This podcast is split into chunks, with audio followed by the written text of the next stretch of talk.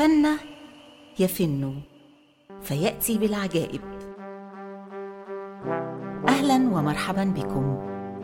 أنا رشا عزات وهذه متوالية غرفة الأكاذيب.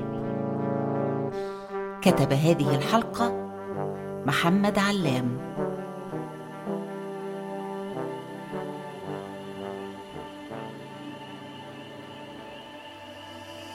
في جو مشحون بالبارود والدم.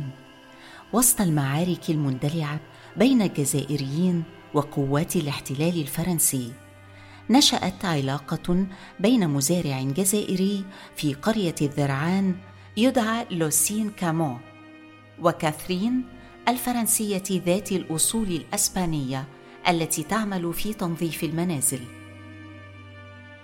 لكن الأمر لم يدم طويلا.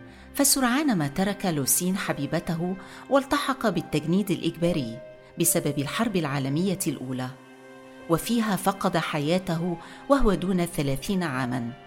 في حين كانت كاثرين لا تزال في الجزائر تحمل في رحمها طفلا منه. سيملأ اسمه الآفاق. إنه ألبير. ألبير كامو. ولد ألبير كامو عام 1913 ودرس الفلسفة في الجزائر فارتبط بأفكار نيتشه وتأثر بها في شخصيته وانفتاحه على الماضي. وبفضلها استطاع أن يتعامل مع الصراع الذي يعيشه بكل خلية في تكوينه والناتج عن مزجه بين هويتين وثقافتين فرنسية وعربية. على إثر ذلك عاش في توتر غير قادر على حسم موقفه من الاستعمار الفرنسي للجزائر خاصة بعدما انتقل إلى فرنسا وبدأ كفاحه الثقافي والأدبي. بل واعتبر البعض أنه اختار فرنسا وباع قضية الجزائر برمتها حين قال في حوار له مع طلبة جامعة أوبسل عام 1957 في هذه اللحظة. هناك من يلقي قنابل على المدنيين في الجزائر وربما تكون أمي واحدة منهم. إذا كانت تلك هي العدالة فأنا أفضل أمي عليها. عقب تخرجه عمل كامو كمحرر مبتدئ في صحيفة جزائرية. ومن خلال عمود غرفة الاطلاع عرض للعديد من الأعمال الأدبية الصادرة حديثا في باريس آنذاك مثل المزيفون لأندريا جيد والأوراق القاحلة لألدوس هاكسلي والغثيان لسارتر.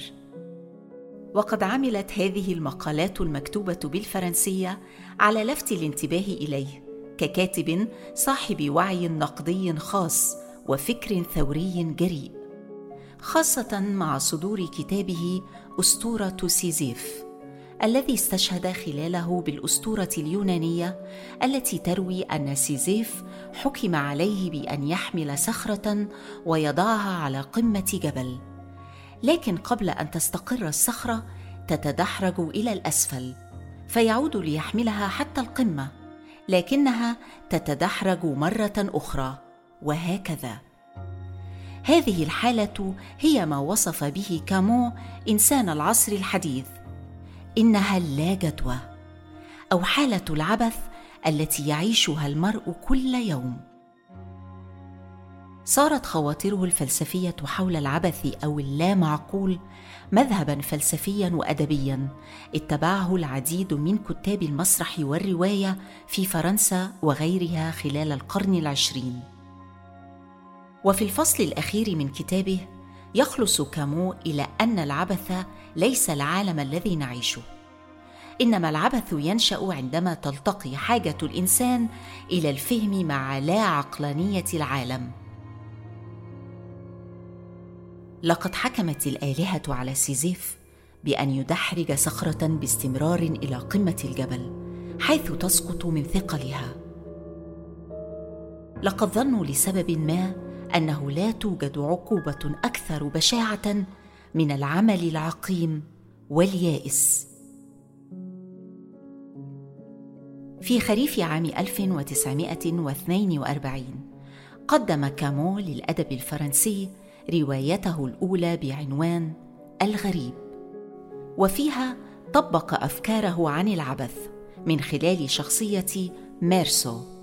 الذي يشعر بالغربة وعدم الانتماء وتتسع اللامبالاة لديه لتشمل العواطف والمشاعر الإنسانية والروابط الأسرية حتى يصبح قتل إنسان عابر لا يعرفه مجرد فعل عادي. صور كامو هدوء ميرسو وسلبيته كدليل على لا جدوى الحياة وعبثيتها فهو لا ينكر أي اتهامات. ويسخر من الإدانات التي توجه إليه بسبب عدم ندمه واعتباره وحشا بلا روح يستحق الموت بسبب جريمته. وضعته رواية الغريب ضمن قائمة أبرز الأدباء في اللغة الفرنسية. وسرعان ما ترجمت لأكثر من لغة وامتدحها جان بول سارتر في مقال طويل واعتبرها إحدى كلاسيكيات القرن العشرين بعد أقل من خمس سنوات من صدورها وعلق على توجهها الفلسفي قائلا لا يكمن العبث في الإنسان. العبث في النهاية جزء لا ينفصل عن الظرف البشري. إن رواية الغريب مؤلفة عن العبث وضد العبث. خلال تلك السنوات عاصر ألبير كامو فترة حرجة واستثنائية من تاريخ البشرية وهي الحرب العالمية الثانية. هذه الحرب التي دفع ثمنها نحو 25 مليون جندي وأكثر من 70 مليون مواطن مدني أعزل بلا سلاح. كيف صار العالم بعد أن انتهت الحرب؟ هل تغير أي شيء؟ هل تحسنت أوضاع الإنسان؟ إن بشاعة الحرب وما أحدثته من دمار في المدن التي طالتها وفي البشر الذين دفعوا أرواحهم جراء لا شيء نبهت كامو إلى أن قيمة الإنسان قد تكون أقل من ثمن رصاصة في بندقية.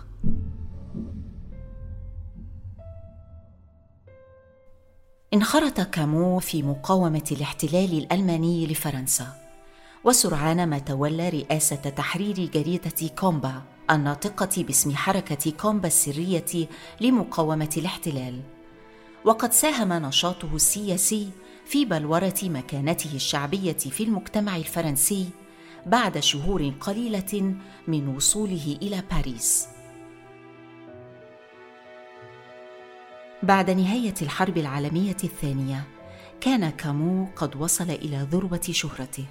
فباعت روايته الطاعون بعد صدورها عام 1947 مئات الآلاف من النسخ وحققت نجاحا عالميا مدويا. كما ظل كتابه أسطورة سيزيف عملا مقروءا على نطاق واسع ومثارا للنقاش على المستوى الدولي خلال سنوات ما بعد الحرب. في عام 1951 أصدر كتابه الشهير الإنسان المتمرد وهو عبارة عن تأملات فلسفية في أسباب تمرد الإنسان على الأنظمة السياسية واندلاع الحروب. يناقش فيه سؤالا أساسيا هو ماذا يعني التمرد؟ وبينما نفكر عادة في التمرد على أنه عمل جسدي يقدم كامو بدلا من ذلك وجهة نظر وجودية. تفيد بأن فعل العيش هو تأكيد للوجود لكن حياتنا تمنح قيمة إيجابية عندما نتمرد. فالتمرد تأكيد للحياة وبيان بأن شيئا ما في الوجود ذو قيمة ويستحق القتال من أجله. أو على حد قوله بالتمرد يولد الوعي ولكي يوجد الإنسان يجب عليه أن يثور. لقد ساهم كتاب الإنسان المتمرد في بلورة أفكار كامو وموقفه من الأنظمة الشمولية ويعد بمثابة شهادة تاريخية على رؤيته لعالم ليبرالي حر ينبذ العنف ويكفل للجميع حق التمرد. عبر عن ذلك في سلسلة من النقاشات الفكرية يبحث من خلالها عن المتمرد الحقيقي في هذا العصر.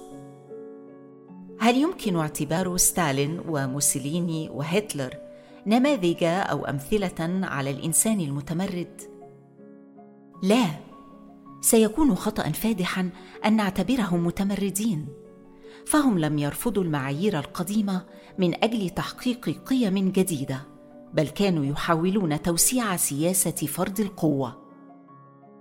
يرى كامو أنهم هم ودولهم ليسوا أمثلة مقبولة للتمردات الأخلاقية وأن الشخص الوحيد الذي يستحق عن جدارة لقب الإنسان المتمرد في عصرنا هو كارل ماركس لأنه تمرد على المجتمع الرأسمالي وقام بتفكيك القيمة النقدية لكل إنسان وكل شيء في الحياة من أجل خلق مجتمع حر بلا طبقات بلا مرض بلا جهل بلا فقر.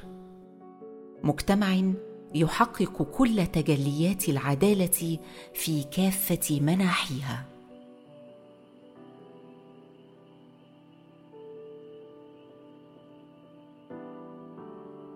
كتب ألبير كامو عددا من الروايات منها كما ذكرنا الغريب الطاعون والإنسان الأول. وعددا من المسرحيات التي ترجمت إلى معظم لغات العالم مثل كاليجولا سوء تفاهم حالة طوارئ العادلون وغيرها. بالإضافة إلى تلال مهولة من المقالات والخواطر الفكرية حول أوضاع السياسة والتغييرات الاجتماعية التي مر بها العالم فضلا عن تأملات في قضايا الأدب والفن. ومع ذلك كان كامو يجد السبيل والوقت الكافي لكي يتزوج ويسقط في الحب. بل لديه القدرة على أن يكتسب إعجاب النساء بسهولة. بدا كامو في نظر الكثيرين الإنسان الذي يملك كل شيء ويفعل كل شيء. فهو كاتب مشهور ومنافس حسن الصورة في عيني كل امرأة جميلة. مثلما كان مناضلا في المقاومة ورئيس تحرير صحيفة كبرى تصل إلى الناس في كل أنحاء البلاد.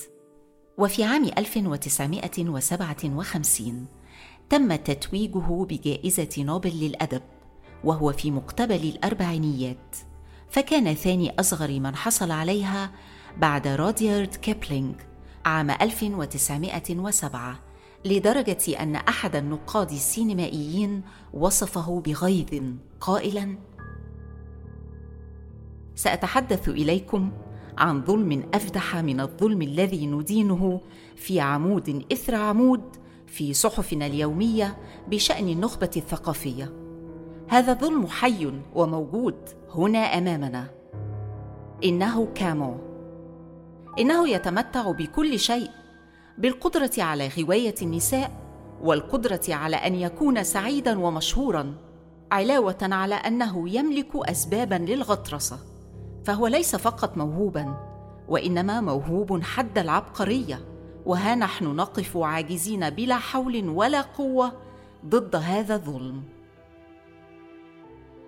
أما ألبير كامو فكان له رأي آخر. واعترف في خطابه الذي ألقاه في السويد عقب استلامه جائزة نوبل أن الحياة التي عاشها قد تبدو حافلة بالكثير من الصخب والمغامرة لكنها في الواقع ليست أكثر من مجرد غربة حكم عليه أن يعيشها لأنه كاتب. لم يسبق لي أن تخليت عن النور عن سعادة العيش. عن الحياة الحرة التي ترعرعت فيها. على أن هذه الغربة إذا كانت تفسر كثيرا من هفواتي وأخطائي فهي ساعدتني بدون شك لأن أفهم جيدا حرفتي. وهي تعينني دائما للوقوف بشكل أعمى إلى جانب كل هؤلاء الرجال الصامتين في العالم الذين لا يقبلون الحياة التي كتبت لهم إلا بثمن الذكرى. أو لحظات حرة ووجيزة من السعاده أصدق الناس هم الذين ينتهون على الطريقة التي عاشوا حياتهم يكرسون لها. ولطالما رأى ألبير كامو أن الحياة برمتها عبارة عن سلسلة من الأحداث التي لا جدوى لها.